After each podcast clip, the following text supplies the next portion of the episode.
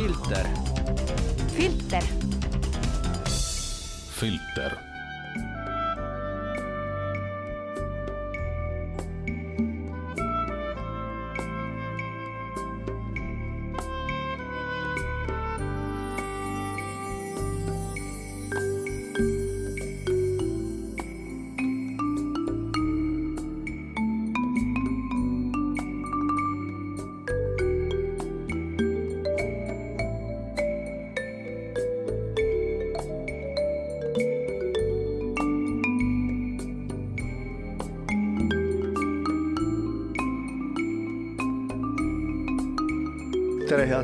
kuulajad, taas on meil Filtri saade. stuudios on Jaan Tepp ja Aare Baumer. kohe-kohe on kätte jõudmas jaanuari lõpp.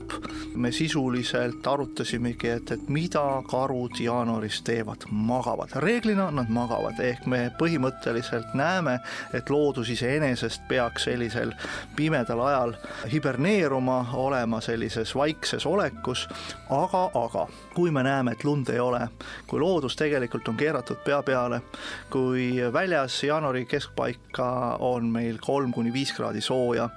ja siis ühelt poolt võib öelda, et, et ongi tore, et me maksame vähem küttearveid, aga samas on see ka suureks šokiks loodusele tervikuna ja loomulikult ka psühholoogiliseks šokiks inimesele ka, sest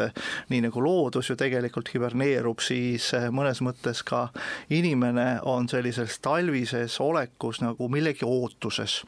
ta ootab ühelt poolt meil kevadet, suve, ootab päikest, minagi täna hommikul vaatasin aknast välja, kui ma ikka tavaliselt kohvitassi tulele panen, siis väljas juba hakkab vaikselt valgeks minema, nüüd on nii pime, et, et ikkagi ootad seda kevadet ja valgust ja, ja tuleb kurb meel küll, aga samas sa pead nagu tajuma, et sellises ooteseisundis on ju talveunes palju eh, erinevaid positiivseid pooli. ühelt poolt loodus kosub, ühelt poolt on puhkestaadium ja sellises uue ootuses me saame muid uusi mõtteid koguda, et kui me räägimegi uutest mõtetest, siis vana on mõnes mõttes nagu uus ja me räägime sellisest uuskasutusest või taaskasutusest, siis me kevade lootuses raputame tolmu enda pealt maha ja vaatame, et, et mida me reaalselt ikkagi selle uuskasutusega või uue tulekuga oma elu kätte võtame. Aare, sina ennem ütlesid, et räägime täna uuskasutusest või uuesti mõtestamisest ja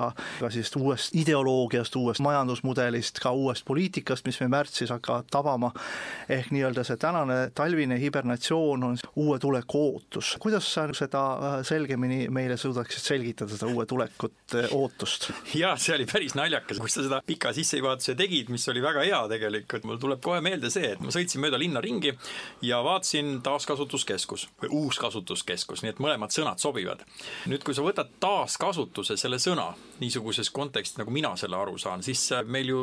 ma arvan, et enamusel meil tekib silma ette selline pilt ühest niisugusest suhteliselt noorest inimesest, kes läheb ühte poodi ja seal ripub tohutu hulk riideid ja üldse igasugust muid asju seal, mõnedes poodides on ju ka veel äh, vanad nõud või, või midagi muud, mul libises praegu ka juba ju sõna sisse, et ma üritasin midagi selgitada ja siis ma ütlesin vanad nõud. aga see tähendab tegelikult seda, et need nõud on ju täitsa korralikud, on nad vanad või mitte, ega ta niimoodi ju ei lagune, keegi puruks ei löö. ja selle tulemus on siis see, et meil on mingid poed,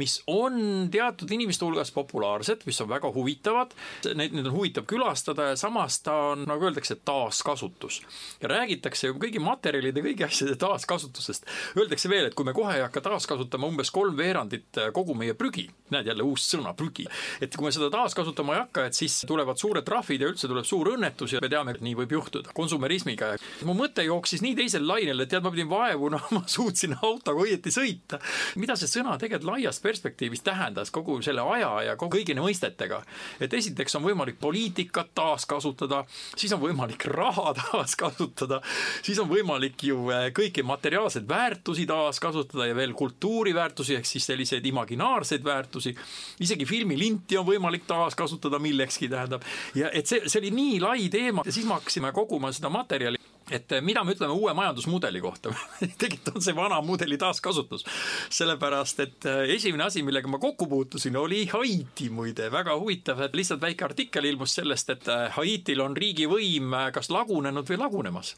hea küll, eks neid riike on teisigi, aga et, et Haiti on minule meelde jäänud juba, juba koolipõlvest saadik kui see koht, kuhu saadeti sunnitöölised välja. et seal nagu midagi muud polegi olnud kui ainult sunnitöölised. ja mõned teised riigid on päris hästi hakkama saanud, eks mis vahe on tegelikult Eestil ja me siin ka ju päris orjad olime. mis mõttes meil on läinud siis paremini kui Haitil näiteks, et milles see vahe on ja hakkasin uurima seda asja ja avastasin, et Haitil viimane valitsus läks lihtsalt laiali, sellepärast et enam raha ei makstud ja polnud mõtet nagu koos käia. Polnud enam raha kasu saata taaskasutusse. kujutasingi endale ette, et mis nad siis nüüd tegema hakkavad, sellepärast et me Eesti elanikule, inimesele võib-olla ei lähe Haiti korda. riigi võim lagunes, lihtsalt laguneski ära, pole enam riigivõimu, et kes siis võimul on? jah, et see, see on, see on huvitav paralleel ja paralleeli toomine just sellisesse pimedasse aega, et tulles ikka tagasi tänasesse pimedasse jaanuari ooteaega, kus me nüüd mõtlemegi selle üle, et mida me taaskasutama hakkame, et kas siis märtsis hakkame kasutama vanu poliitikuid või, või võtame kasutusele uued poliitikud ja, ja siit me kenastigi jõuamegi nagu Haiti juurde, et, et nemad on ka mõnes mõttes sellises taaskasutusfaasis, et nad mõtlevad, et kas nad siis kasutavad oma vanu poliitikuid üle uuesti või ei kasuta, aga, aga see lugu, mis seal tegelikult Haitis on, on ju oma olemuselt ju päris traagiline, sest lugesin ka ise just artikleid The Economistist, mis Haitis toimub ja ega asi on lõbususest kaugel, et see ei ole enam isegi võrreldav Nõukogude Liidu lagunemise järgse ajaga, kus, kus praktiliselt kümmekond aastat toimus maffiasõda ja ega neid maffiasõdades hukkunuid ei olegi korralikult statistiliselt võib-olla kokku loetud, aga, aga noh, Haitis on see kordades koledam, et seal on näiteks Haiti pealinn, vist oli Port-au-Prince või midagi sellist on neil see pealinna nimi, et, et see on ju sisuliselt tsoonideks gängide vahel ära jagatud ja ja nagu sa ütlesidki, et, et parlamentäärid või parlamendisaadikud, kes olid poliitikuteks valitud, ütlevad, meil ei ole enam mõtet siin parlamendihoones istuda, sest keegi meile nagu palka ei maksa, sest riik ei toimi, riik ei funktsioon, funktsioneeri. ja ennem sa tõid ka sellise huvitava paralleeli, mõnes mõttes selline ühe poliitilise süsteemi lõpp ja teise poliitilise süsteemi algus on võrreldav nii-öelda, et kuningas on surnud, elagu kuningas, ega sellises royalistlikus süsteemis riigipea ehk siis kuningas ühel hetkel sureb või mingid, mingi juht, oletame siis, mõnes mõttes kuni tema matmiseni ja tema matusteni uut kuningat ametisse ei, ei pühitseta, sama oli ju tegelikult, me nägime ka nüüd Inglismaal hiljuti.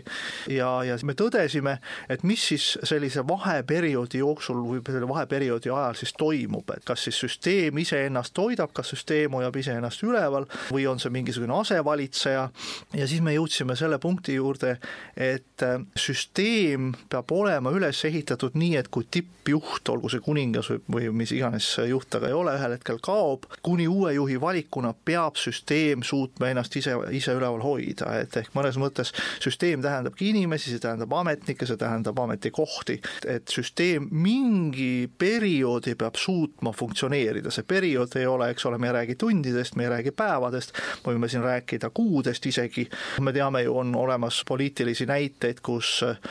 valitsust ei suudeta ära valida kuude kaupa, me teame ka olukordi Vatikani kiriku kogudest, konklaavidest, kus paavstide valimised käivad kaks aastat, isegi rohkem. samal ajal, kui juhti ei ole, peab süsteem suutma funktsioneerida. ja, ja, ja nüüd see Haiti näide on selles suhtes nagu halb näide et, et riik, kellel oli tegelikult, riik oli olemas, riik funktsioneeris, aga riik nüüd selle mingil hetkel, kui president vist lasti seal maha oma kabinetis, peaminister pandi vangi, mingid väga segased lood seal olid ja süsteem ühel hetkel ei suutnud funktsioneerida. ehk näide demokraatia tugevus selles seisneb, et kui sa oled nii-öelda ametisse valitud, siis sa pead suutma oma funktsioone täitma, ehk kui sulle antakse pitsat, siis kasuta seda mõistlikult, kui sulle antakse võim, kas või pisikene võim, kasuta seda mõistlikult. ja, ja kui sul peaks olema see, et sul ühel hetkel enam ülemust ei ole, meie võtame tavaelus selleks perspektiiviks võib-olla kolmkümmend, nelikümmend päeva, kui su juht, ülemus on puhkusel, sa pead ise suutma tema asemel otsuseid langetama,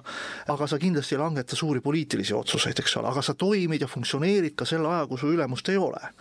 ja, ja riigisüsteemis ja riik tervikuna kodanikuna peab samuti suutma siis funktsioneerida selle aja, kui riigijuhti ei ole. Haiti näide on selles suhtes traagiline, et vaatamata pikale ajaloole ei ole nad suutnud nii riiki üles ehitada, et see ametnik või see süsteemi osa suudaks oma rolli nii eetiliselt kanda, et ta ootab ära, kuni uus tippjuht nagu ametisse tuleb. et see on paradoks, ehk nagu mõnes mõttes, kui me räägime siin sellisest talvisest hibernatsioonist ja sellest, et me ka talvel oleme sellises ooteseisundis, siis paraku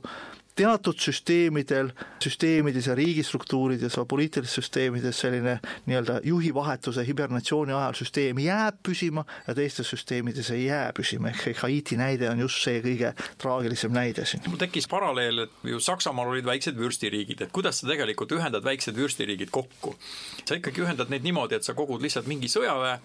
ja lähed siis kellegi sinna värava taha, natukene aega sõdid sest üldjuhul keegi ei anna niisama oma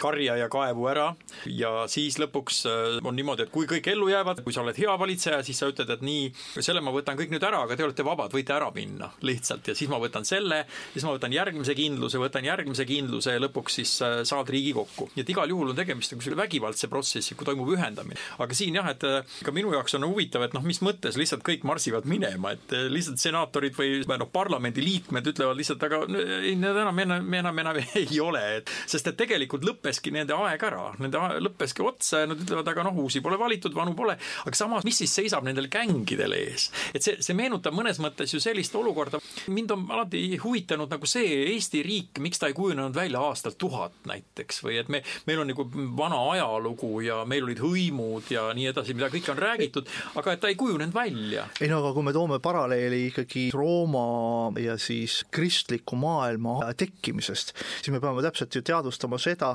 et antiik lakkas olemast. antiik lakkas sellepärast olemast, et ühel hetkel Rooma sootsium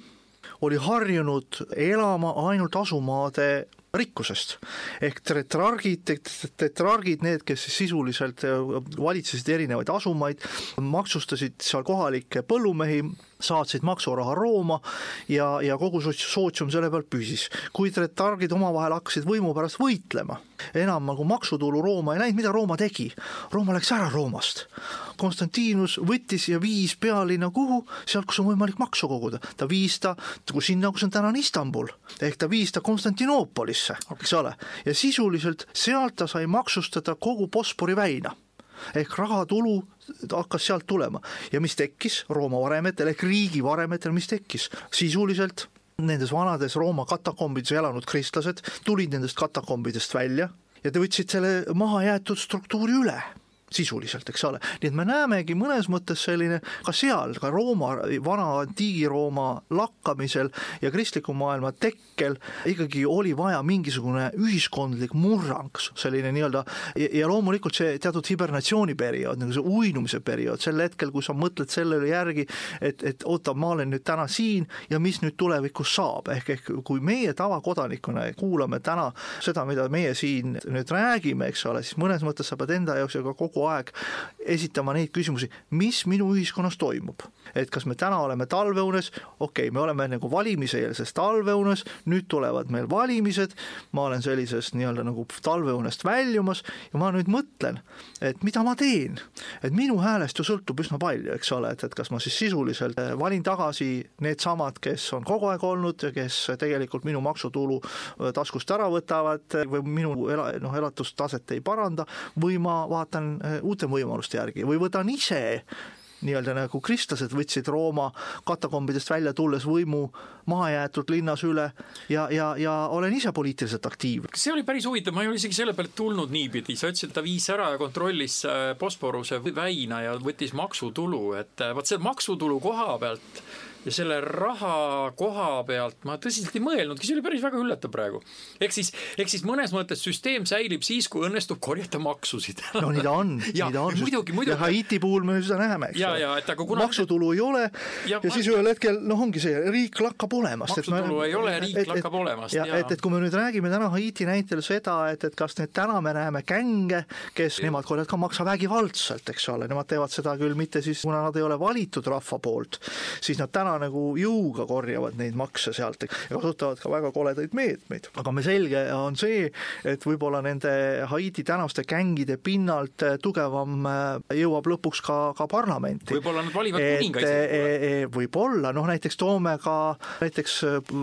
väga skandaalse Bulgaaria poliitiku Boiko Borissov. kõik ju teavad, et see on endine kurjategija, kes, kes sisuliselt ühel hetkel ikkagi nii-öelda püstoli ja rahavõimu, võimuga saavutas teatud positsiooni ja ühel hetkel leidis ennast peaministrina. ühel hetkel ta leidis ennast peaministrina Bulgaarias. aga sellised asjad on võimalikud sellistes ühiskondades, mis ei ole välja kujunenud, ma veel kord ütlen, et süsteem, kui üks süsteem laguneb, siis ametnikud ühel hetkel kehitavad õlgu ja ütlevad, et las riigi, riigi köis las lohiseb või noh, las minna, laseme alla vett. ehk nii-öelda nagu poliitik peab selles suhtes mõtlema selle peale, kuidas ma ehitan riigi üles nii, kui kuningas sureb, et, et süsteem kokku ei kuku. siit me jõuame ju selle juurde jälle, et kuidas seda nii teha, et toimub see ajaliin, ehk siis vaatasin ka seda, seda kuulsat lauset, mille nimi on siis Kuningas on surnud, elagu kuningas. ja seal oli siis öeldud kaks varianti on võimalik, et üks on see, et sellel hetkel, kui kuningas,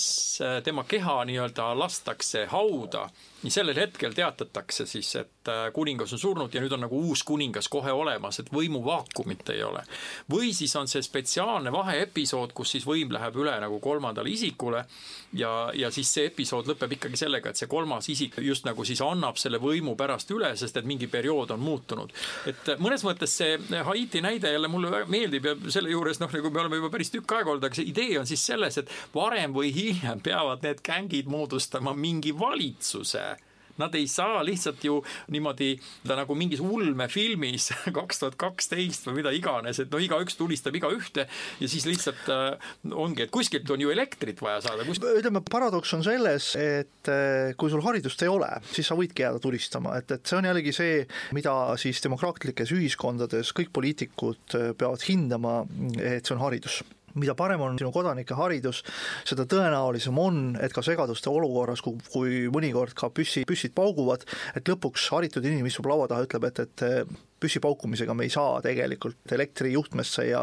ja, ja toidulauale, et me peame lõpuks istuma maha ja kokku leppima, kuidas see ühiskond hakkab meil toimima. Haiti puhul paraku vist on nagu see, et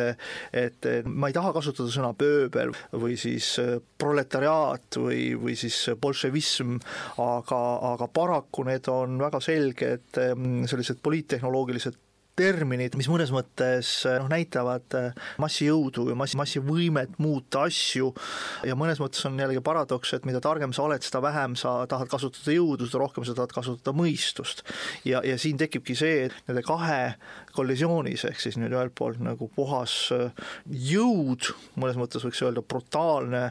füüsiline jõud, kas ta siis põhineb äh, bolševistide tääkidel või siis millelgi muul, ühel hetkel ta peab siiski tajuma, et, et ka nende seest peab välja kooruma see, kes hakkab mõtlema ja kes ütleb, et okei okay,, aitab küll, et nüüd teeme ühte, teist või kolmandat, eks ole, et, et ikkagi lõpuks see mõistuse roll peab äh, võitma ja ma loodan ka Haitis ühel hetkel see mõistuse roll peab nagu võitma. no ma ikkagi mõtlesin ka sellele karule, mida sa algul ütlesid kohe, et karu magab, et me võime ka nimetada seda selliseks, äh, kuidas öelda, hingetõmbeperioodiks või magamise perioodiks, vot meie laiuskraadil on ju talvel ikkagi seesama see uni et sul on uni, sul on serotoniini vähe, tahad magama jääda, mõtled, mis nad seal sebivad kuskil soojas. et neil on seal ressurssi rohkem, et ei pea, ütleme sinna kuskile urgu minema. mul tuleb Muumitrollist meelde selline nagu talve, vaat see üleminek või talve selgroog või, või ütleme, kõik need sõnad ju tegelikult lähevad kokku, eks ole, me ütleme hästi koleda asja, me ütleme talve selgroog on murtud, on lihtsalt väljendid olemas. see talveuni ja see kuningas on surnud, elab kuningas, see kõik ju läheb kokku ühe Muumitrollis ühe episoodiga, kus äh, talvel äh, avastab Muumitroll, et nende pere sohva on ära varastatud, reaalselt varastatud ja siis lohistamise jäljed on veel järgi ja siis on võetud mingid söekotid ja kuurist on viidud igast asju minema ja, ja tal läksid karvad turri. vot niimoodi on lausa kirjutatud ja siis ta läheb mööda jälgi järgi, ta, ta läheb varastele järgi ja avastab, et kõik on tassitud üles kõrge kalju otsa ja selle kõrge kalju otsas on suur hunnik koos, mille ümber siis kõik löövad tantsu ja see pannakse kõik põlema veel. õigemini öeldes tema on all, kui see põlema pannakse, kui ta üles jõuab ja siis juba on äh, lõke nii-öelda suure lõhinaga põlenud peaaegu ära.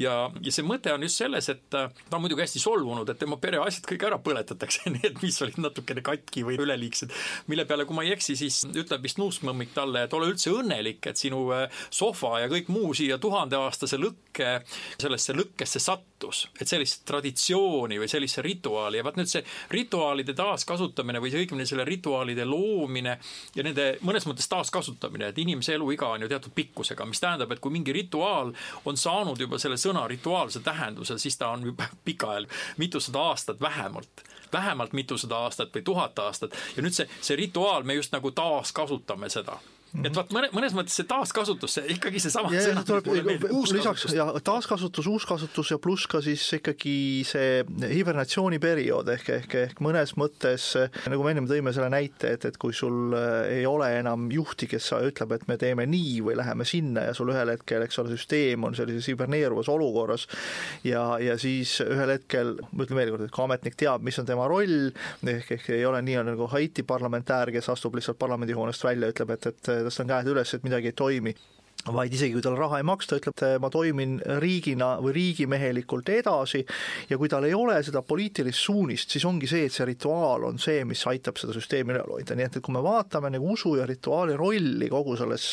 diskursuses, mida me üritame siin kirjeldada, siis selle rita-, rituaali roll on väga oluline just sellepärast, et sellistes segastes olukordades, ebakindlates olukordades on sul millestki kinni hoida, see on nii nagu, nagu kinnihoidmine Jahve templis päästesarvest, et, et kui seni, kuni vaidlus ei ole lahendatud, võid sa olla selles äh, Jahve templis ja, ja paluda, et äh, preestrid mõistaksid õigust. ja see on ju samas on, eks ole, sul ei ole vaja mingisugust sarvest kinni hoidma, see on ju rituaalne akt, eks ole. aga sellel rituaalsel aktil sellise tasakaalustava jõuna on väga oluline roll, täpselt nii nagu nuuskmõmmik pidi nägema, kuidas tema diivan põletati tuha, tuhandeaastases rituaalses tules. et ka siis võib-olla Tove Jansson kirjeldas mõnes mõttes alateadlikult selliste liturgiate mõju meie alateadvusele. see selline rituaal, olgu ta siis talverituaal, lõkked või vanade asjade põletamine või laulmine, on, on meie eksistentsis väga olulises kohas. meie mõte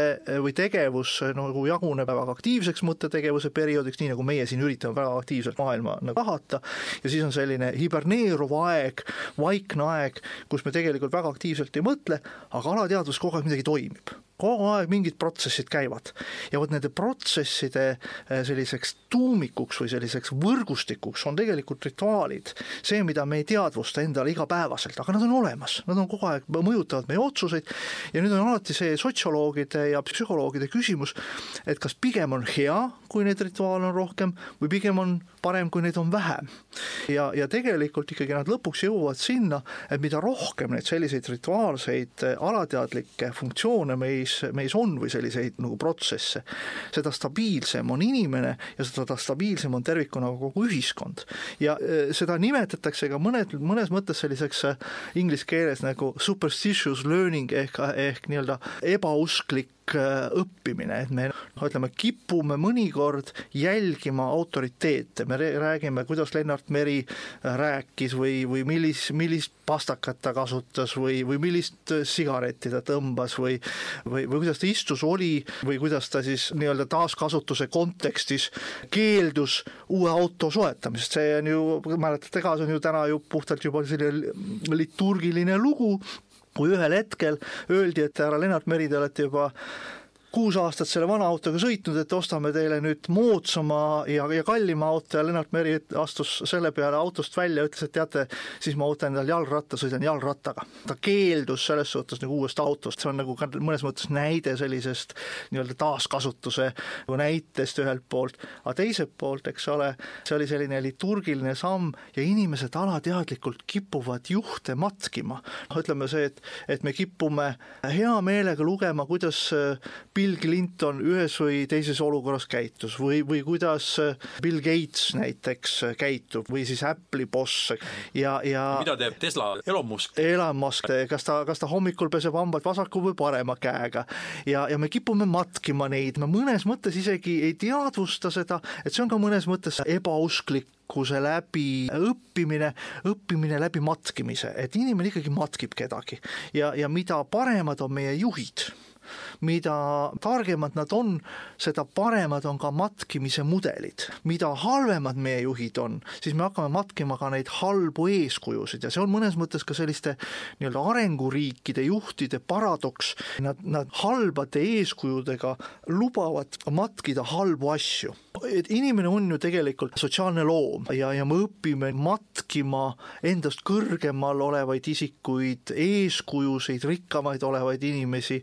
ja rituaalid iseenesest vähendavad ju stressi, see on ju see põhituum, et kui ikkagi ma mingil hetkel ei tea täpselt, kuidas käituda, alateadvus võtab üle, ma käitun rituaalselt, pesengi hambaid vasaku käega, nii nagu seda teeb Elon Musk näiteks,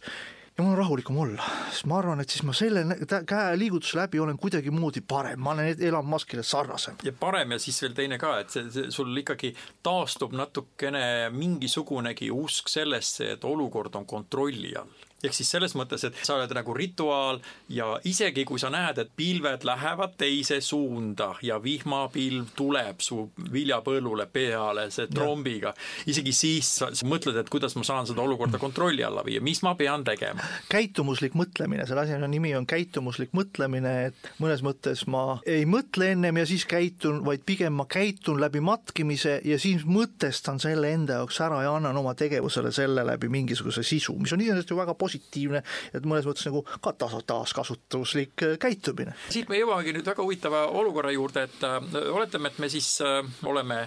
näiteks suguvõsas keegi sureb ära ja nüüd oleks vaja teatud rituaale. Nende üle on ju päris palju nalja tehtud, isegi kevades, eelmises sajandis, siis ju kevades ka, et äh, püha tegevusaeg pannakse ju äh, grammofon mängima. püha tegevus, mis oli tegelikult rituaal, kõik pidid kuidagi ühtemoodi käituma ja nüüd Toots väntas selle selle masina käima ja muidugi siis sellest tuli suur segadus. tegelikult seda rituaali osa ja ühte muinasjuttu veel lisaks kõigele, et ma nagu hüppan praegu ühelt teemalt teisele, aga kuulaja ehk annab mulle andeks selle, et kui ma jõuan praegu korraks okasroosikese juurde. sellest vaatenurgast, mida me täna käsitleme, siis okasroosikese legend on ju mis? kõik toimis, kõik tegutses, kõik oli väga hea, süsteem töötas, riik töötas ja siis ühel hetkel sooritati mingisugune, ütleme niimoodi, paha tegu, kõiki ei võetud laua äärde. üks haldjas teda ei kutsutud, sest ta lihtsalt oli, ta oli niisugune natuke paha tujuga ja võib-olla oli natuke äkiline, teda ei kutsutud. vot nüüd selleks, et seda muinasjuttu nii-öelda päästa selleks nad pannakse magama mingiks ajaks, see on seesama see hibernatsiooni aeg, mille jooksul siis pärast seda ärkavad kõik uuesti üles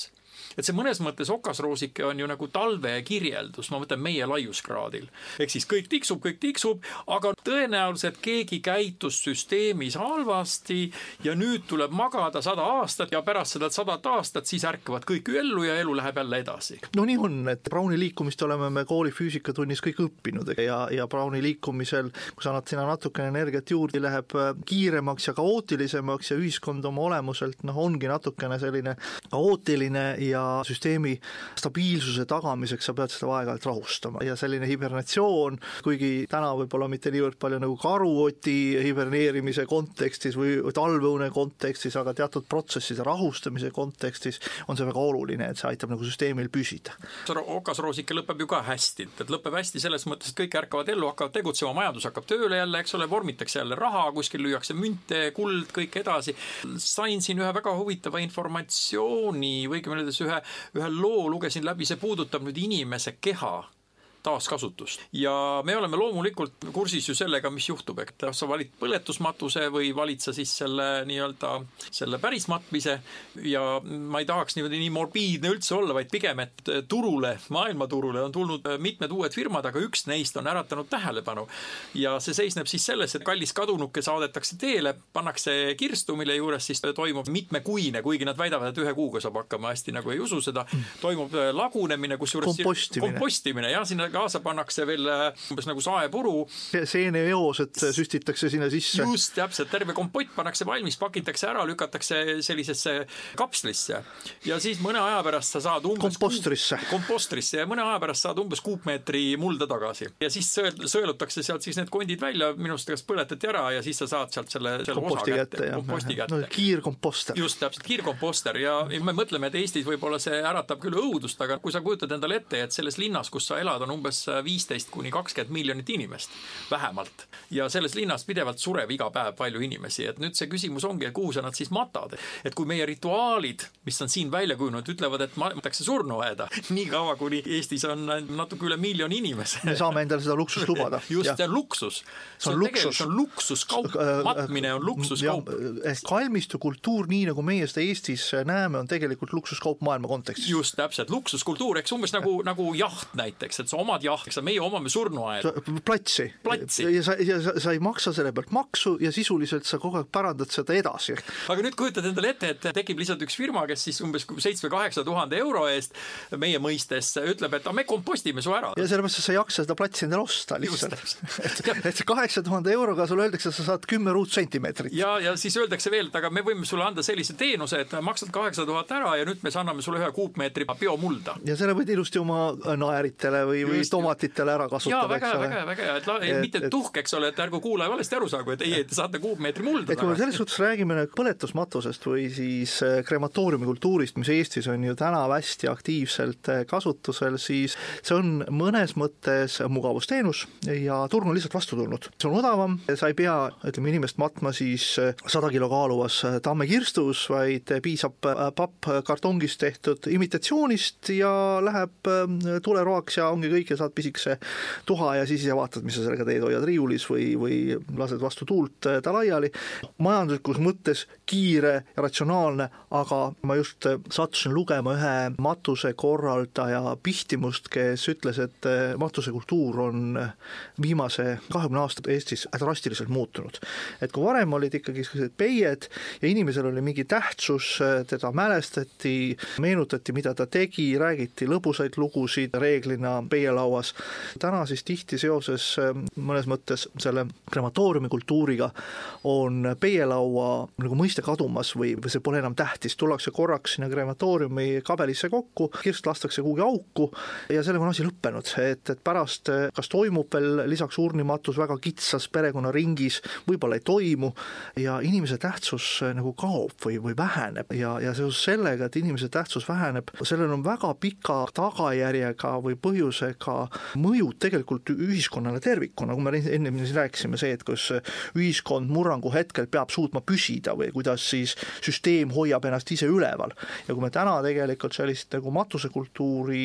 lahjendame või kuidagimoodi seda peiekultuuri kipume nagu lahustama, siis äh, inimsuhetel on sellel äh, kindlasti on mõju. ma ühel hetkel, kui mina täna mõtlen, ma olen, eks ole, viiskümmend pluss, hea, kui ma veel kolmkümmend aastat välja vean, et äh, mis mu elu mõte on, kui ma lõpuks tean, et meil lükatakse kartongkarpi ja siis lõpuks tuhk puistatakse laiali ja mind ei mälesta mitte keegi, mis on minu elu mõte hakkad enda käest küsima seda, mis on minu elu mõte. ja, ja kui nüüd tulla selles suhtes tagasi piibellikule vundamendile, kui me räägime siin ülestõusmisest, jälle me peame siin täna talvel,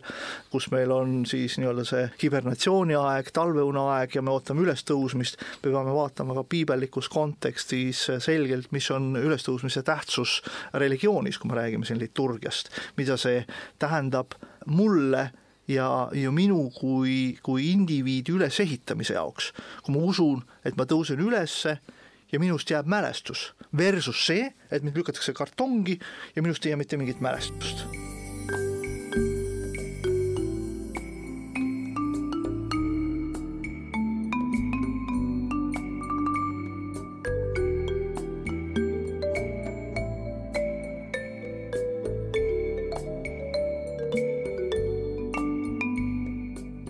saates Filter, stuudios on Jaan Tepp ja Aare Baumer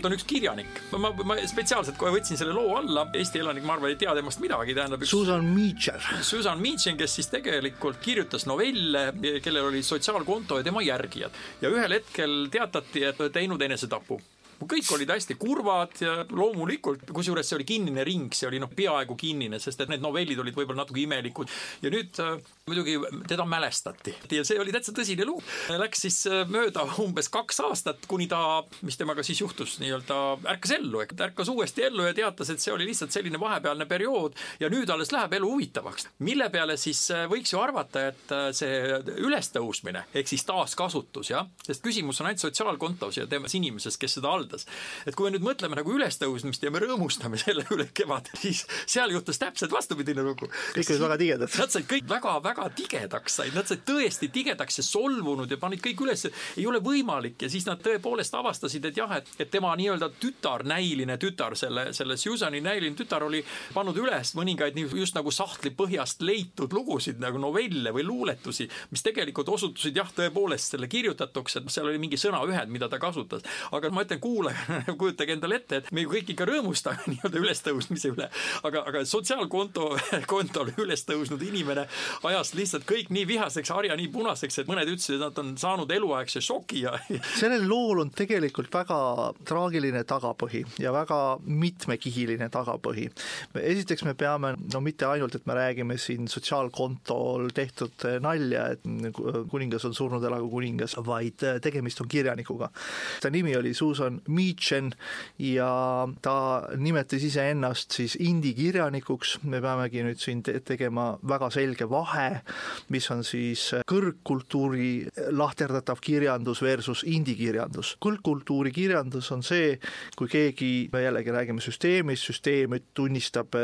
või hindab ühte või teist kirjanikku sellega, et võtab ta kas siis Kirjanike Liitu või ta saab mingeid auhindu, ta saab mingeid arvustusi, ta kuidagimoodi evib sellist sotsiaalset staatust, et saab ütelda, ma olen kirjanik. aga kirjutamine tänapäeval, kus me kõik eh, oleme saanud, eh, meil on põhiharidus on kohustuslik, eh, kirjutamise saame selgeks, mõni saab ka ülikoolihariduse ja mõni võib-olla isegi tõesti omab paremat lauseehituskunsti, kirjutab mingi raamatu, et kõik tahame, otsime oma elule mõtet, me kõik tahame mingit eneseväljendust, kõik ei oska mängida pille, aga kirjutada me oskame ju kõik, me oleme kaksteist aastat koolis käinud, me oskame kõik kirjutada ja kirjutajaid on kohutavalt palju. ja nagu paljud eh, kirjanikud ütlevad, et eh, kirjutajaid on rohkem kui lugejaid, sest esiteks on informatsioon tänapäeval ääretult odav, seda on lihtsalt nii palju, selles kohutavas massis kirja, selles infos me ei suuda leida neid õigeid asju. tänapäeval on väga raske isegi leida head kirjandust, ehk mõnes mõttes, kui keegi ütleb, et see on hea kirjandus, siis inimesed hakkavad seda uskuma, et nüüd me jõuame täpselt tagasi selle nii-öelda see learning from higher status ehk me nagu õpime eeskujude pinnal, me ise ei suuda enam hinnata, kas see kirjandus on hea või halb, sellepärast seda on nii palju. kui keegi ütleb, et see raamat on hea, siis seda hakatakse lugema. ja Susan Meachen, kes oli tegelikult siis samuti see kaksteist klassi haridus, ma küll ei tea, kas oli kaksteist, võib-olla ta oli kõrgharidusega, võib-olla isegi magister, ma ei tea seda, aga ta defineeris ennast selleks indie-kirjanikuks, ehk ta oli selles soos kus kõik kirjutavad, aga mitte keegi ei loe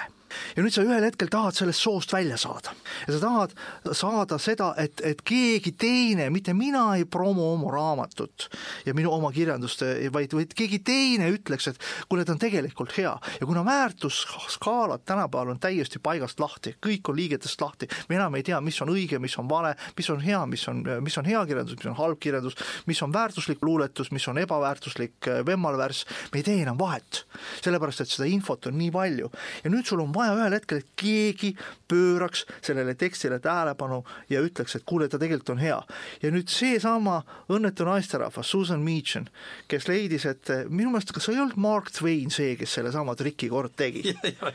Mark Twain vist ka ütles, et, et kuuldused minu surmast on ennatlikud. üle, ülepaisutatud. ülepaisutatud, kuidagi ta niimoodi vist ütles, eks ole ja,, jah-jah et see nii-öelda kirjaniku äh, nii-öelda surm või, või, või ennatlik surm on ajaloolist juba läbi mängitud lugu, ehk surm on see, mis müüb mõnes mõttes. kusjuures huvitav on ka see, et Eesti ajakirjandus, kas te olete tähele pannud, et Eesti ajakirjandus on selle ära tabanud? ma ei ole kunagi varem Eesti ajakirjandust lugedes tähele pannud, et kuidagi nekrolooge on viimasel ajal ajakirjandusse niivõrd palju tekkinud. ehk surm müüb. ja nüüd seesama õnnetu kirjanik Susan Meachen leidis, et keegi mind ei loe, ma olen küll, küll oskan ju kirjutada ja ma olen selles indie-kirjanike soos, kus kõik tahavad saada kirjanikuks ja otsivad eneseväljendust. teeme mingi triki, teeme nalja. ta kuulutas ennast surnuks ja, ja nagu ma ütlesin, surm müüb ja siis ühel hetkel kõik sotsiaalmeedias pöörasid pilgud tema konto peale. mida ta siis kirjutas ja mis on veel kõige naljakam, oli see, et ta mitte lihtsalt ei kuuluta ennast surnuks, vaid ta kuulutas ennast traagiliselt surnuks läbi enesetapu. enesetapp on alati see, et inimesed hingepiinad, seal on mingisugune traagika, inimene elab midagi üle, asi, mis müüb. ja kõik hakkasid ühel hetkel tema vastu huvi tundma. loeti tema tekste ja siis ta kirjutas siis nii-öelda jutumärkides oma tütre nime alt, et, et oi, ma leidsin sealt sahtlist veel mingeid asju, inimesed loevad, siis ta tegi veel järgmise triki, ta tegi veel nii-öelda, tegi annetuskonto ja korjas inimestelt raha, mis oli juba väga libe tee, mis on mõnes mõttes juba võetav nii-öelda nagu pettusena, eks ole, aga jõudes siis sinna, et ta ühel hetkel siis ärkas üles ootamatult, et kaks aastat vist ta oli nagu varjatuna, kõik siis korjas raha ühelt poolt sinna oma siis toetuskontole ja, ja teiselt poolt siis nautis seda, et ühel hetkel tema tekstide allalaetavus ja lugevus tõusis aga see ikkagi ei aidanud tal saada tippkirjanikuks, ikka ei saanud, sest ta tegelikult ei osanud hästi kirjutada, ta lihtsalt oli keskpärane kirjanik. ja siis ta leidis, et ah, aitab küll, et tõusame, ärkame nüüd üles. ja vot nüüd kogu see sootsium pöörus hästi tihedaks, et see on tegelikult pettus, see ei ole mitte ülestõusus, vaid see on pettus. Ja me jõuame mõnes mõttes huvitava religioosse küsimuseni, kas Kristuse ülestõusmist, kuidas roomlased äh, käsitlesid, kuidas juudid käsitlesid Kristuse ülestõusmist, ütlesid, see on pettus, see ei ole tõsi, sellepärast et, et ülestõusmine on tegelikult ju müsteerium, mis muudab meie mõttemaailma nii oluliselt ja ma lugesin neid kommentaare ka, mis juures olid. tegelikult üks kommentaar, mis minu, minu tähelepanu kõige rohkem kogu sellest loost pööras, oligi see, et miks üleüldse tagasi tulla Why come back at all, eks saad aru, see on nagu tegelikult on selles kogu sisu, selles on kogu elu ära öeldud, et miks sa üldse tagasi tuled. Milleks pidi tagasi tulema? jäänudki siis surnuks, eks ole. jäänudki surnuks. aga ta lihtsalt sai ühel hetkel aru, et, tegin selle triki ära, aga ma tekstid ikka ei saanud kuulsaks, et, et proovime nüüd uuesti, teeme, kirjutame parema raamatu, sureme uuesti ära, ärkame uuesti ellu. aga jah, et inimesed, panen tähele, et, et selles mõttes sotsiaalkontol olevad inimesed, siin on nüüd jälle seesama rituaal või mänguruum, et tähendab, et kui palju sa nüüd usud, sa oled sotsiaalkontol kontol ja, ja keegi ärkab ellu, ärkabki ellu, kas ta nüüd valib veel kevade või, või mingi muu aja, aga tähendab, et me ju usume, et ta suri. ja nüüd ta ärkas, kaks aastat läks mööda ärkas ellu, aga kuna on kuuldud lugusid sellest, kuidas inimesed on peitu meelega läinud, siis tähendab, kas nüüd ongi see küsimus, kas sa usud päriselt seda või sul jääb kuskile sinna natukene mõistusesse väike pisikene niisugune väike, võib-olla ikka juhtus nii, et ta lihtsalt põgenes kuskile mingile üksikule saarele. no tegelikult on see, miks see, see soot-, see sootsium, kellest me nagu ja. räägime seal Susan Meacheni ümber, ongi siis teised samasugused indie-kirjanikud ja, ja põhimõtteliselt nad lõid endale oma sootsiumi, oma vennaskonna, oma, oma kaasmõtlejad erinevate seltskonna ja seal olid juba välja kujunenud teatud reeglid ja nüüd keegi tuli ja rikkus neid reegleid, ehk me jõuame jälle sinna rituaalse mõtlemise juurde. ehk nagu, nagu mõnes mõttes, et, et, et mitu neid võis olla? nojah, seal sa mõtled selles sootsiumis. no neid võis seal ikkagi sadu-sadu olla, et mina noh, ka nagu siis indi-, ma, ma tegelikult noh, mina olen ise ka ju indie-kirjanik, eks ole, ja ma olen seda no, maailma... ma ei teadnudki. ja jah, ma olen ise ka indie-kirjanik ja selles suhtes, et eh, olen ka selle maailmaga kokku puutunud ja kui te nüüd vaatate indie-kirjanike maailma, siis see, on päris kole. ütleme nii, et, et pärast seda, kui ma seda maailma nagu seestpoolt nägin, siis ma ütlesin, et, et ei enam, ei enam, sellepärast et äh, indie-kirjanike peal töötab terve majandusharu, milleks on toimetajad, kujundajad, tõlkijad, äh, trükikojad, äh, turundajad, ehk nii, nagu sa täna, kui sa tahad kusagil Amazonis oma asja müüa või kas või ükskõik kus kohas midagi müüa, kõik on üles ehitatud likeide süsteemi, selleks, et likee saada, pead sa olema nähtav, selleks, et sa oleksid sotsiaalmeedias nähtav, siis selle eest pead sa maksma, et olla kusagil rankingus ülevalpool. ja see on selles suhtes paradoksaalne ja ma sellepärast ütlengi, et, et kui Nietzsche ütles, et jumal on surnud, siis tänapäeval võib väga julgelt kuulutada välja ka tippkirjanduse surnuks, et selles suhtes, et ühelt poolt eh, tavainimesed ei suuda enam hinnata, mis on eh, hea kirjandus ja halb kirjandus, seda on lihtsalt nii palju, ja autoriteedid, eh, nad on nii, nagu need Haiti parlamentäärid, kes kehitavad õlgu, astuvad parlamendi hoonest välja, sest nad enam, neil ei maksa keegi selle eest, et nad nad üht või teist või kolmandat asja kohta midagi ütlevad. kui eeskujud kaovad, siis see asi lähebki oma sootsiumites ja sootsiumisisesteks pisikesteks gruppideks ja see on mõnes mõttes paradoksaalne. sellega seoses sa kasutasid siin jälle ühte sõna, mul, mul filter, et teinekord jääb see sõna nagu kinni. esiteks sul on mälestused ja teiseks sa oled ka kirjanik ja siis sa kirjutad ja meil on hästi palju ilmunud nüüd neid autobiograafilisi raamatuid sellest ja nüüd kujutad ette, et kogu Eesti kirjutaks nagu oma mälu tühjaks mõnes mõttes, mitte tühjaks, ma keelega olen ka seotud, et ma kirjutan nagu mälu tühjaks, tegelikult jääb see alles. aga, aga kui kõik eestlased kirjutakski oma üleelamised, paneks biograafiad üles, siis Apollo, mis siis toimub, nagu sa ütlesid, et terve majandusharu, eks ole, sa kujutad endale ette, et Apollo poes oleks valida ühe miljon, ühe koma kahe miljoni autobiograafilise teose vahel, mis kõik kirjeldaks seda elulugu. aga küsimus on selles, et kui su mälu tõesti on nii-öelda tühjaks kirjutatud ja sa oled, ütleme, võtame sellise hästi imeliku näite, mis tegelikult on tõeliselt juhtunud, et sa oled, oled vanemaks saanud ja su mälu ongi tühi. aga sind pandi vangi mingi teo eest ja sa ei tea sellest mitte midagi enam ja mälu ongi ära. sa oled tegelikult keha, vaevu veel ütleme, saad aru, mis ümberringi toimub, aga seda, mille eest sind vangi pandi, seda sa ei mäleta, see on nagu mälu. sa oled hiberneerunud olekus. just, täpselt. et, et siin on juristidel kõvasti pead kratsida. Ameerikas oligi selline juhtum, kus siis on üks vang, kes, kes reaalselt ei teagi, mille eest ta vangis on noh, ta üldse palju ei saa aru, aga me ei räägi inimesest, kes on pikali ja keda voolikuga toidetakse, vaid ta käib ringi, aga ta lihtsalt ei mäleta enam seda. ta ei tea sellest midagi ja kuidas me teda saaksime sel juhul võtta? siin on, tuleb mängu selline asi nagu sotsiaalne õiglus. et eh, sotsiaalne õiglus on eh, ikkagi nagu see, et eh, selle vangis hoidmise või vangi paneku tulemusena saavad eelkõige, rahuldus ei ole võib-olla õige sõna, aga saavad see ülekohus tasutud. et ikkagi, kui keegi on kedagi tapnud, ta pannakse, ta selle eest karistatakse, siis isegi kui ta, tema seal vangis oleku ajal kaotab oma mälu ja ta ei tea, mille eest ta seal on, näiteks paar aastat läheb mööda, saab insuldi, mitte midagi enam ei tea, kes ta on, mis ta on, aga ta ikka hoitakse kinni, küsitakse, et kas sa tead, miks sa siin oled, ei tea, siis on küll juriidiliselt on ta huvitav üksiku kapslina või kapslisisesena saab seda hea vaadata ja analüüsida, et, et aga kui sa vaatad nagu sootsiumi kontekstis, siis see sotsiaalne õiglus jääb igal juhul kehtima, et, et seadus kui süsteem toimib, kohtud kui süsteem toimib ja, ja ühiskond jääb toimima. et, et seal on see, et kust maalt hakkavad ühel hetkel erandid äh, kehtestama reeglit, et kui me, kui me räägime see, et, et mälu ei ole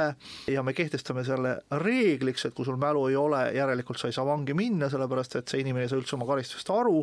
ja me unustame sealt ära nii-öelda sootsiumi toimumisprintsiibi ja sotsiaalse õiglusprintsiibi, et siis võiks äh, jõuda sinna, et sa teed kuriteo, siis lähed apteeki, ostad rohud, pühid oma mälu tühjaks ja ütledki, et aga te ei saa mind vangi panna. Või, või ütled ennem teed testamendi või ütled,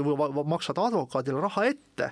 ütled, kuule, näed, ma tapsin need inimesed ära, nüüd ma läksin, läksin poodi, võtsin mingeid kangeid, kangeid rohte, mälu ei ole ja nüüd sa nüüd kaitsed mind ja ütled, et näed, siin on see kaasus, sest kaasus on olnud, et see inimene mõisteti õigeks. see on tegelikult ulmekirjanduses kirjutatud, on üks ulmekirjanik Heinlein, kes on kirjutanud olukorda, et mingi terrorist kuskil kaugel tulevikus valas suure miljonilinna, mingi Ameerika miljonilinna järve valas sellist vedelikku, mis kustutas ajust ära põhimõtteliselt kogu, kogu selle mälu kustutas ära. ja selle tagajärg oli näiteks see, et päris paljud haiged, kes olid äh, meie mõistes siis äh, neurodispanseris jah, hullumajas nii-öelda, said terveks sellepärast, et kes oli läinud raske depressiooniga ja näiteks seal keegi oli üle elanud oma pere hukkumise sellepärast, et ta tegelikult läks hoopis äh, baari viskit jooma ja lennuk lendas tükkideks ja, ja, ja lapsed ja naised kõik said surma. aga see mõte oli selles, et ta tuli välja sealt, ta, ta ei mäletanud enam mitte midagi. ja mis on selle juures kõige õudsem, oli siis see, et äh, ühel hetkel tekkis selline religioon sealsamas väga ruttu dünaamiliselt selle protsessi, selle kriisi ajal, mis vallutas kogu riiki,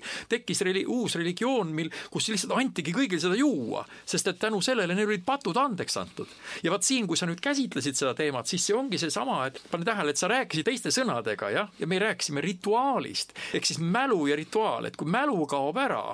siis kaob ju rituaal ära ja siis sa oledki tegelikult mõnes mõttes nagu, sa oled kõigist vaba, sa ei, sa ei vastuta mitte midagi see on ikkagi see, kui me vaatame seda kaps, kapslisiseselt, me räägime seda indiviidi kontekstis, et kui me räägime sootsiumi kontekstis, siis sootsiumi kontekstis isegi kui tal mälu ei ole, ta peab saama karistatud, et ka see on rituaal. et me, me räägimegi nagu topeltrituaalist, sul on inimesekeskne rituaal, sul, sul ühel hetkel nagu mälu enam ei ole ja, ja, ja sa saad nii-öelda oma pattudest vabaks.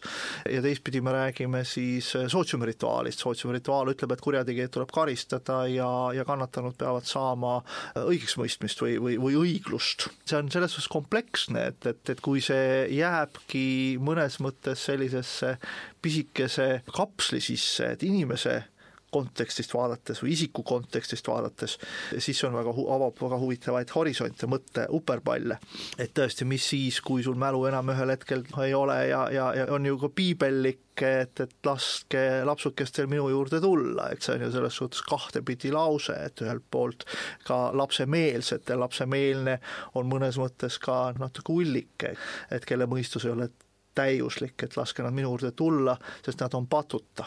Nad ei saa aru, mida nad teevad, kui me ühel hetkel, noh kuidagi olukorda sa lähed muuseumisse ja seal on äh, kuus tuhat aastat vana etruskite vaas, laps jookseb mööda, lükkab selle ümber ja siis kõik ütlevad, laps tegi. aga nüüd kujutage ette, kui see täiskasvanud meesterahvas lipsuga läheb sinna, lükkab sellesama vaasi ümber. lähenemine hoopis teistsugune, lapsele antakse andeks, lipsustatud meesterahvas pannakse vangi ehk, ehk tegu on sama, hinnangud on hoopis erinevad. siin ongi see, see, selline, selline huvitav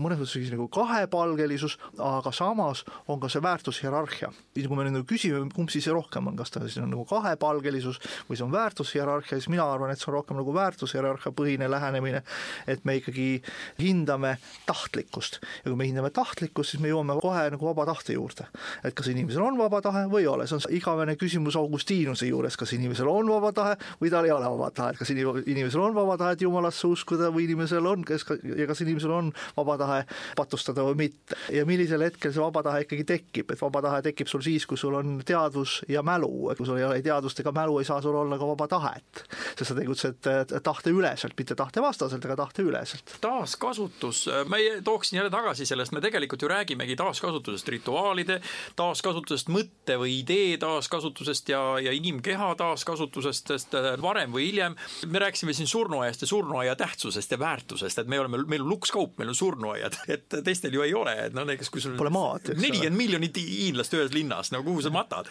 aga see, ma mõtlen need, kes seal kogu aeg surevad iga päev nagu no, normaalses suures linnas, aga see mõte on siis selles, et selle rituaali taaskasutus ja, ja nende mõtete taaskasutus, et mis mõtted sinus tekitab näiteks see, kui keegi seitsmekümnendatest aastatest taaskasutatakse keegi, et kellegi ideed, kellegi käitumine ja kellegi muusika tuuakse välja, ümber ei mõtestata, lihtsalt esitatakse seda taaskasutust selles mõttes ja öeldakse, et aa, tema oli niisugune ja, ja üks suhteliselt värvikas isik jällegi, kelle meemi on kasutatud ilma nimegi nimetamata. Ameerika filmides on hästi palju levinud see, et seitsmekümnendate aastate üks tunnuseid on see, et ta võetakse valge hommikumantel, pannakse pikale Jeesuse sarnase mehele ümber ja siis ta käib mööda linnatänavaid mööda ja, ja vehib kätega. tegelikult oli üks isa Jood, kui ma ei eksi vist, kes. Father Jood, jah. ja Father Jood, eks ole, kes siis äh, tegi muusikat, ta oli üsna värvikas, ta oli isegi vahepeal Hollywoodis ju äh, stuntman, ehk siis need, kes igast katseid tegi, aga talle meeldis siis selline metafüüsiline tegevus, selline, mille juures siis noored naisterahvad kleepusid tema külge ja vahepeal räägitakse, et ta oli neliteist naist oli, kuigi tal oli ka ametlik naine. aga noh, kõigele lisaks nad tegid veel sellist psühhedeelist muusikat seitsmekümnendatest aastatest, et kui praegu tagasi vaadata, ma arvan, et kõik on kunagi filmides näinud seda stseeni, kus suur hulk valgetes hommikumantlites inimesi marsib tähtsa näoga mööda tänavat. Neil kõigil on sellised pikad valged, valged hommikumantlid maani, maani kusjuures ja siis sellel peamehel on siis pikad blondid juuksed või õigemini pikad paksud juuksed, suur habe ja juuksed peavad olema kindlasti rullides, mis on, naistel on see ilusti nagu lainetena ja siis, siis nad marsivad tähtsa näoga ja just nagu võtavad kogu riigi üle vaimselt. eks see on nagu see, et, et kui sa ütled, et püha mees, et siis püha see, ja, ja ma tahan tuua vahe siia, et kui sa ütled püha mees, et siis sa peaksid käituma teatud moraalsete kaanonite järgi, kui sa ütled guru, siis sul on tunduvalt rohkem lubatud, et selle termini külge kleepub niivõrd palju erinevaid muid kultuurilisi nähtuseid nagu, nagu rock n roll ja, ja, ja jooga ja kanep ja transcendentaalne, mis iganes. muusika, kõik trummid, kõik sinna et, juurde. et, et sa ühel hetkel jõuadki sellisesse, sa lood rit, uue riituse, uue rituaali ja teatud, nüüd ongi see, et sa kõigepealt viskad rituaali välja, sa vaatad, kas keegi näkkab või ei näkka, kui näkkab, et siis sa kohe vaatad, et mille peale ta näkkas, et kas ta näkkas selle peale, et, et ma tulin valges hommikumantlis ja lõin trummi, käin läbi linna ja inimesed, kes seda vaatavad, ütlevad kohe, et aa, see on guru ja kui eriti veel on hea, kui sa paned värvilise sellise otsmiku paela. aga kui sa paned lihtsalt riibulise hommikumantli selga, paned trummi, siis kutsutakse sulle arst. et nagu teatud sümbolid on ikkagi niivõrd meie alateadvus, nagu ma ennem ütlesingi, et hiberneerumise olukorras, hiberneerumise olukorras meie alateadvus kujundab mõningaid meie selliseid mõtlemismudeleid, et see ongi nagu see, et, et samal tänaval ühel päeval läheb sul inimene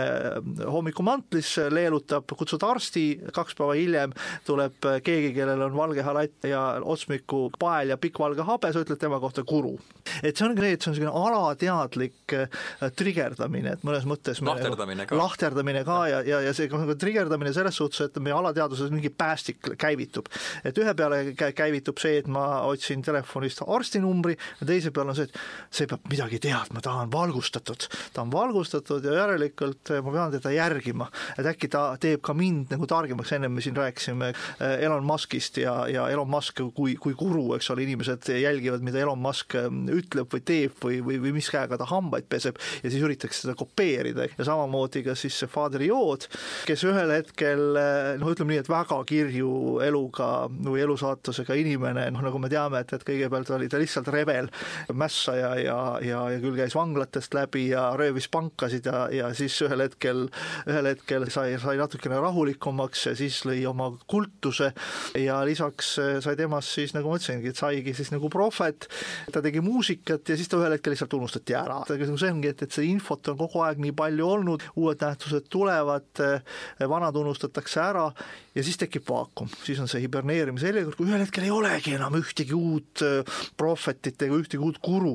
siis on need, kes seda meediat hoiavad, kaevame siis välja selle vana, nagu otsime üles selle vana joodi, eks ole, et noh, äkki jälle müüb midagi, et. ja just, et teda müüb jälle, otsime, otsime üles, et äkki on mingid salvestused alles. ja mis juhtub ju veel nüüd kaasajal, juhtub see, et alati on võimalik see VR-i kõik viia läbi selle tehisintellekti. ehk siis tehisintellekti uued vormid ja, ja see rituaalid, see kõik ühinevad, et kui sa vahepeal siin hakkasid sellest rääkima, et ka sellest üleskaevamisest ja kõigest siis ja taaskasutamisest, siis üldjuhul gurud, ma tean, löövad suuri trumme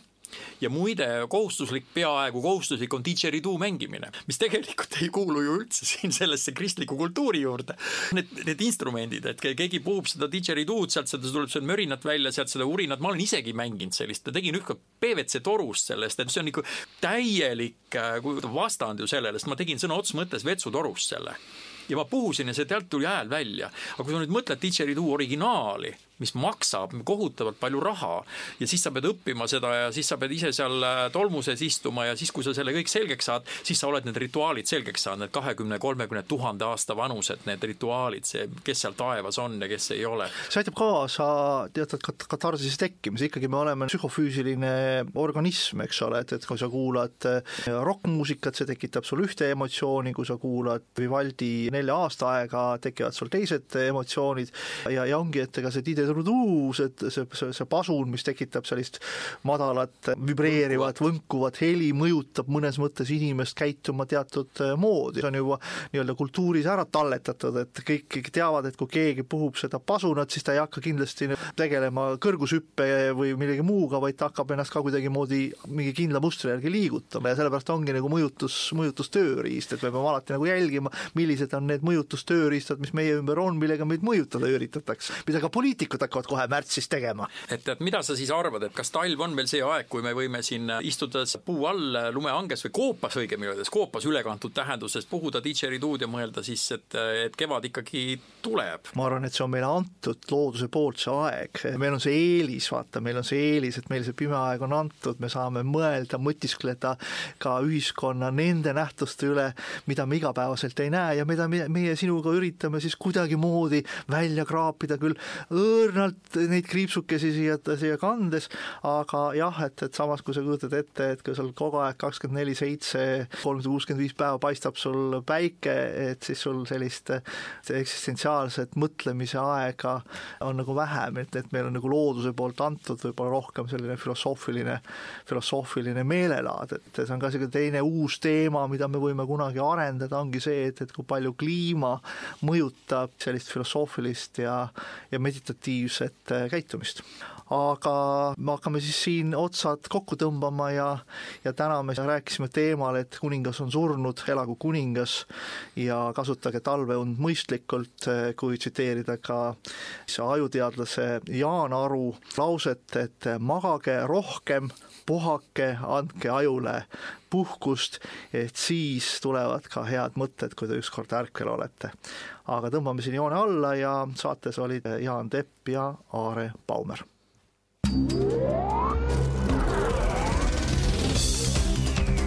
Filter. filter. filter